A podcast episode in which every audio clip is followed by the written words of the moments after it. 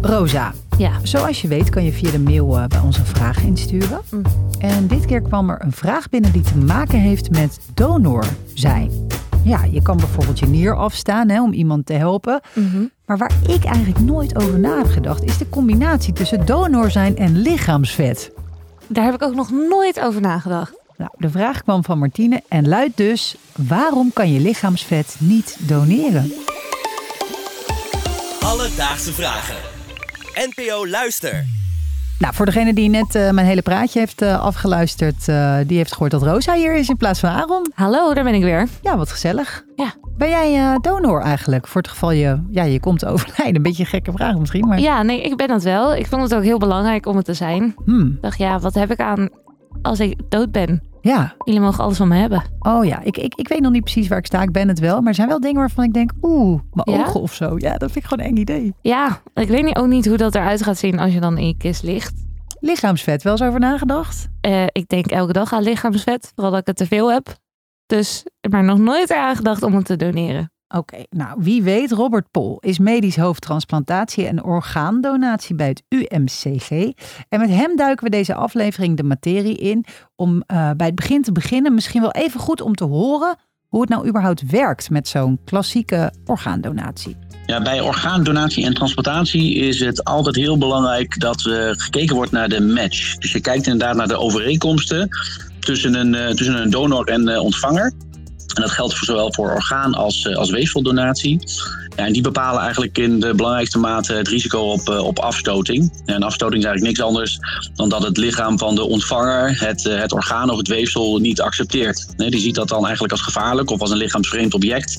En die gaat dat dan gewoon net als een bacterie gaat dat proberen uit te schakelen. En dat, en dat concept dat, eh, dat wordt vooral bepaald eigenlijk door specifieke antennetjes. En die zitten op, op cellen. En er zijn bepaalde antennetjes die, die dan bepaald worden in zowel de donor als de ontvanger. En die kunnen eh, of eh, helemaal overeenkomen. En dat noemen we dan wel eens een full house. Dan heb je een volledige eh, match. Of niet overeenkomen. En dan, dan noem je dat een volledige mismatch. Ehm, ja, en in beide gevallen is er altijd risico op afstoting. Ook als je een volledige match hebt. Zoals je hoorde is orgaandonatie geen kattenpis. Je moet je hele leven medicatie slikken om te zorgen dat het orgaan niet wordt afgestoten. Want als dat gebeurt kan je heel ziek worden. Toch helpt het in levensreddende situaties wel degelijk. Hoe zit dat dan met lichaamsvet? Het lastige bij vettransplantatie is, hè, eh, aansluitend op wat we net zeiden. Ik denk niet dat het, eh, dat het technisch niet zou kunnen, hè, maar ik denk dat het vooral heel onwenselijk is. En vettransplantatie is eigenlijk zelden ehm, levensreddend. Hè, dus het, zal vooral inderdaad een, een, een cosmetische reden hebben. En dan moet je de afweging maken, wat we net bespraken, eh, ja, tussen de voor- en nadelen. Hè, dus wat zijn de gezondheidsnadelen van, van, van weefselfalen met de medicatie die je dus nodig hebt tegen afstoting, eh, versus de voordelen van wel weer een gezond orgaan of weefsel hebben. Eh, ja, vet is wat dat betreft wel een heel bijzonder, eh, bijzonder weefseltype, want het is, het is niet alleen maar bedoeld inderdaad voor energieopslag. Dat denken heel veel mensen, maar het is e- enorm actief. Het is hormonaal actief. Ehm, dus er zit wel een, er zit een ratio achter inderdaad dat je iets met vet zou kunnen doen. Maar de voordelen wegen gewoon echt nog niet op tegen de nadelen. Ja, dat is eigenlijk wat Robert zegt. Ja, eigenlijk wel eh, zonde. Want ik denk dat er toch wel mensen wel een soort van bij gebaat zouden zijn. Ehm, Mhm. Ja, nou, er is wel een vorm van vettransplantatie waarin er wel degelijk iets gebeurt. In de, in de cosmetische en vooral de reconstructieve chirurgie wordt, wordt vettransplantatie wel gebruikt. Alleen dan wordt er altijd gebruik gemaakt van je eigen vet. Nou, cosmetisch kun je je iets bij voorstellen. Hè. Je kan vet van je, van je billen naar je borsten eh, verplaatsen of van je buik ergens anders heen. Ja, dan noem je het geen echte transplantatie meer, maar dan noemen we dat wel eens een autotransplantatie. Hè. Dus dat weefsel wordt natuurlijk gewoon herkend door je eigen lichaam. Dus je hebt die medicatie niet nodig. Maar je gebruikt het veel meer als vuller dan dat je, eh, dan dat je echt kijkt naar de functie van dat, eh, van dat weefsel. Alledaagse vragen. Rosa, vettransplantatie, ja, eigenlijk een soort van no-go. Maar jij zei net heel slim, oh, ik denk wel dat er eh, mensen iets aan zouden kunnen hebben. Ja, nou stel iemand heeft heel erg ondergewicht en het lukt gewoon niet eh, om aan te komen. En je hebt iemand die bijvoorbeeld veel te zwaar is en het lukt niet bijvoorbeeld om af te vallen. Dat zou eventueel een medische reden kunnen zijn. Ja, Maar het is ook, ja, ook wel klinkt weer ook cosmetisch. Ja. Nou, er is wel een medische reden om aan vet eh, te denken in deze context. En dat zit namelijk zo.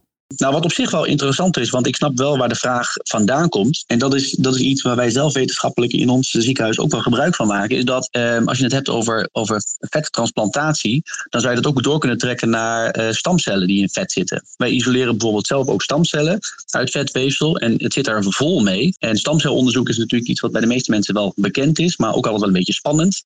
Uh, want waar haal je die stamcellen dan vandaan? Nou, uh, vetweefsel bevat heel veel stamcellen die, uh, die je relatief eenvoudig kan, kan aanzetten tot het vormen van verschillende celtypen. Dit is dan, ja, dit, ja Vet. vet. Leuk. Heel leuk. Maar dat is toch wel bijzonder, want stamcellen verwijderen van iemand, dat, is heel, dat is een hele grote ingreep op je lichaam. Ja, zeker als je het bijvoorbeeld via bot zou moeten Precies. doen of iets Ja. anders. Maar zo zie je maar weer, er is toch wel degelijk iets te halen bij ons vet. Are fatties. Vet. Vet.